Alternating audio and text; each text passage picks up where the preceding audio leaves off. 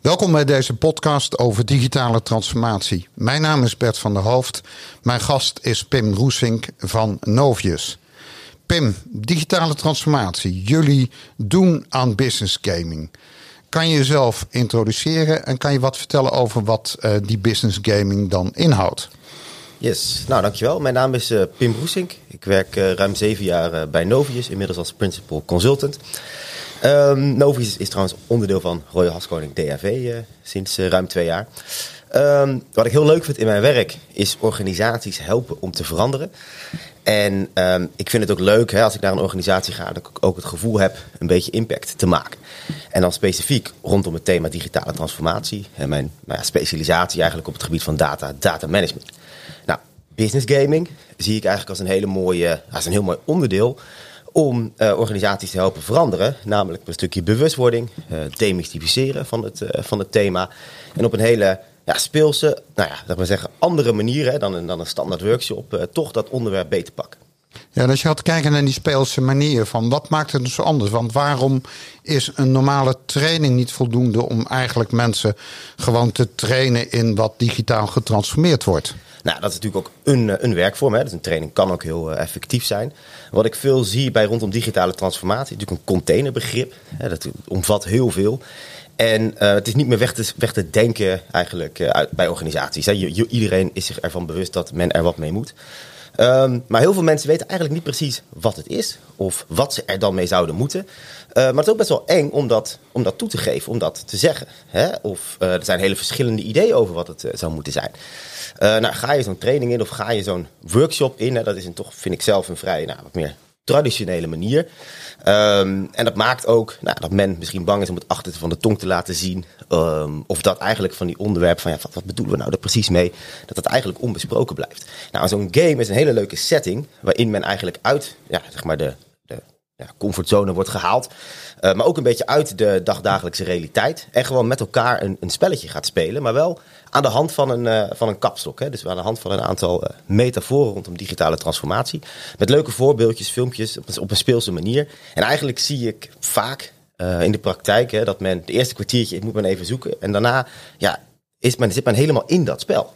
En um, gaat men in één keer dingen snappen, dingen zien. Uh, van hé, hey, maar dat wist ik helemaal niet dat dat kon.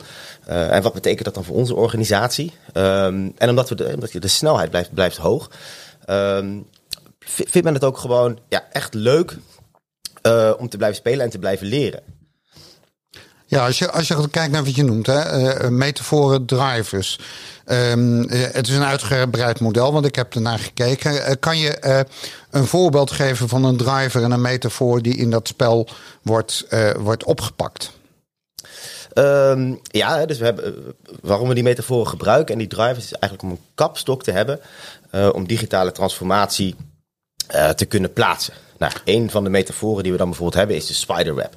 Waarbij het gaat om dat tegenwoordig door Internet of Things, hè, devices en allemaal uh, apparaten met elkaar verbonden zijn, hè, connected, via, over het, uh, door het internet. En dus ook enorme hoeveelheden data bijvoorbeeld genereren.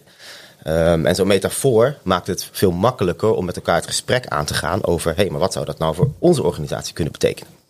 Ja, en een driver, wat, wat zie je dan als een driver? Ja, de driver zou dan bijvoorbeeld uh, Internet of Things zijn, hè, dus IoT. Die binnen die spiderweb zeg maar opereert en ervoor zorgt dat alles dus met elkaar in verbinding staat. En die drivers die variëren in de tijd, uh, neem ik aan, van die blijven niet oneindig hetzelfde? Uiteraard, hè. dus uh, we hebben hem nu, we hebben natuurlijk die kapstok, maar digitale transformatie gaat enorm snel. Hè. Dus ook zo'n kapstok, hè, die, die moet natuurlijk worden geüpdate om hem ook relevant te houden. Ja, als je, als je nou gaat kijken naar wat je zegt, hè, van we, we nemen ze mee spelende wijs. Mm -hmm. Je verlaagt de drempel om eigenlijk uh, di dingen uh, te, te, te, leren. Mm -hmm. Hoe, hoe, hoe, werkt dat? Gaan jullie zoals Monopoly achter een bord met kaartjes zitten? Of zitten jullie met z'n allen online achter je pc? hoe werkt dat? Kan je er iets over vertellen? Nou, het grappige is eigenlijk beide. Uh, dus we hebben het spel ontwikkeld echt als een fysieke game. Hè, waarbij we dus een, nou, een heel groot spelbord hebben. Maar dat moet je je voorstellen. Je speelt ook met 12 man. Um, dus je hebt een, een groot bord en je zit met z'n 12 om zo'n uh, om zo'n tafel heen. En daar staan pionnen.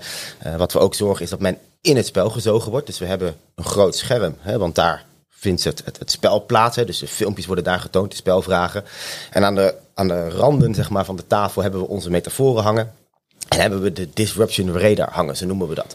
Want wat we gedurende dat spel doen, is dat we telkens de vertaling maken van wat we in het spel zien. Nou, wat betekent dat nou voor jullie organisatie? En dat plotten we dan op die radar, zodat men ook gedurende het spel eigenlijk een beeld ontwikkelt van met welke metaforen de eigen organisatie aan de slag moet. Maar je kunt je dus voorstellen in zo'n setting, spelbord, overal die game eromheen, dus je wordt er echt lekker ingezogen. Um, dat heeft wel mijn voorkeur, zo'n fysieke game. Maar corona, twee jaar lang uh, natuurlijk uh, de boel op slot. En toen hebben we het ook online gedaan. En het mooie daarvan was dat je veel meer mensen tegelijk kan bereiken. Dus daar konden we vier parallele games uh, spelen met meer dan 100 mensen tegelijk. Hè, dus dan heb je, hebben we het voor een, in dit geval was het een, een, een week voor een organisatie rondom digitale transformatie. En hebben we gewoon in een ochtend een heel, heel organisatieonderdeel in één keer er doorheen kunnen halen. Dat was ook wel heel leuk. Ja, dat betekent dus ook van dat als je werkt in een internationale context, dat je eigenlijk niet gebonden bent om ze allemaal naar Amsterdam of wat dan ook eh, te laten reizen. Je noemde net uh, uh, disruptie. Uh, licht dat eens even toe van hoe je dan in zo'n game, hoe je disruptie eigenlijk benoemt. Wat is het? Hoe werkt het in de game? Kan je daar iets over vertellen? Ja, dus, dus disruptie is eigenlijk uh, is dat je van de een op de andere dag of in een hele korte tijd kan er zomaar een concurrent uh, komen of een nieuwe speler komen die eigenlijk jouw hele bestaande bedrijfsmodel onder druk zet of misschien wel overbodig maakt.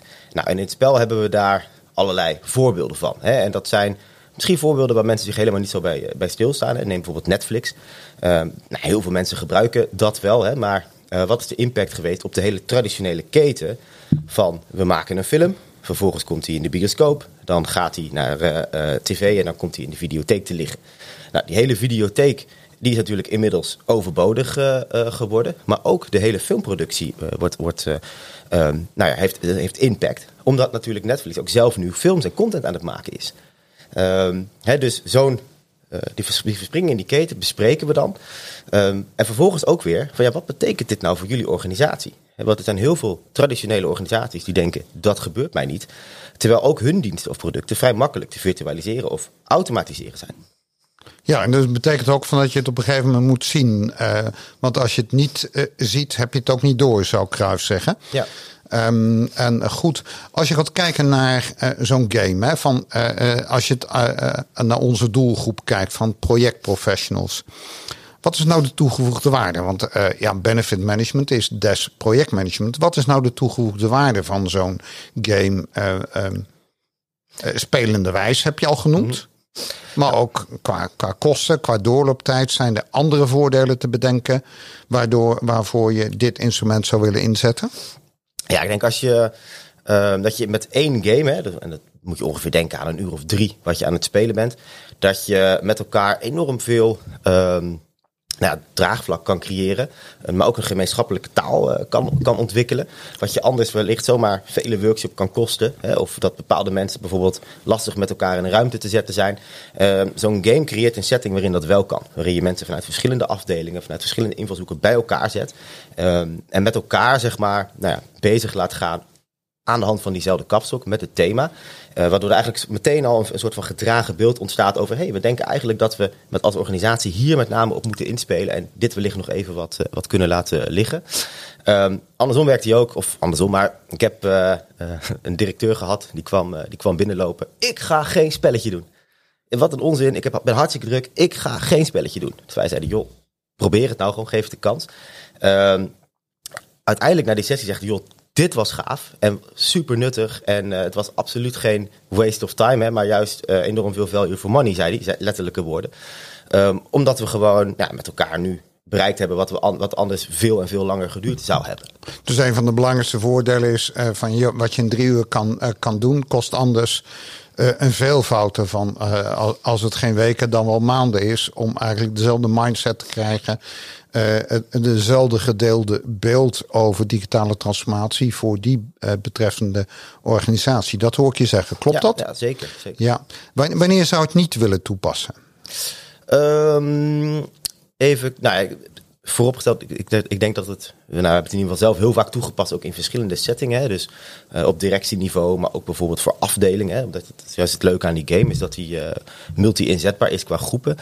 Um, wanneer, het, wanneer ik niet zou toepassen, is als er bijvoorbeeld hele grote kennisverschillen zijn. Hè, dus dat je bijvoorbeeld uh, of echt um, hele, hele erg tegengestelde belangen omdat je, kijk, dan ga je dat spelletje spelen en dan ga je de discussie hebben. Wat betekent het voor onze organisatie? Um, maar eigenlijk zit er dan nog een politieke discussie achter die je misschien eerst zou willen tackelen. He, want dat je dan in die game uh, wellicht de, nou ja, laat zeggen, die, tegen, die, tegen, die tegenstellingen krijgt. Uh, dan zou ik misschien de, of de eerder voor kiezen om dan eerst daarmee aan de slag te gaan, alvorens zo'n spel te spelen.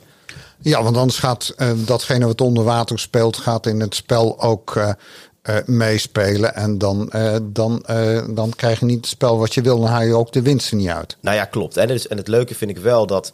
Nou ja, kleine politieke tegenstellingen, hè, die kun je al tackelen door bijvoorbeeld mensen bij elkaar in een team te zetten.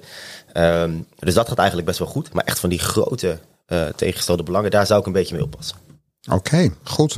Um, is er iets wat ik gemist heb in mijn vragen over van wat nou de, zo'n business game uh, uh, voor jullie maakt? Want we praten in feite over de Battle of Disruption. Mm -hmm. um, heb ik iets gemist wat jij zegt van nou, dat, dat wil ik graag nog delen? Um, nou, ik denk dat het, wat, goed is om te noemen, is dat het heel erg laagdrempelig is. Dus als, als je nou als organisatie eigenlijk nog helemaal niet zo bezig bent met het thema, of denkt van we zijn nog helemaal niet zo ver, dan kun je juist zo'n game, denk ik, heel makkelijk inzetten om snel met elkaar op een hele effectieve manier uh, aan de slag te gaan.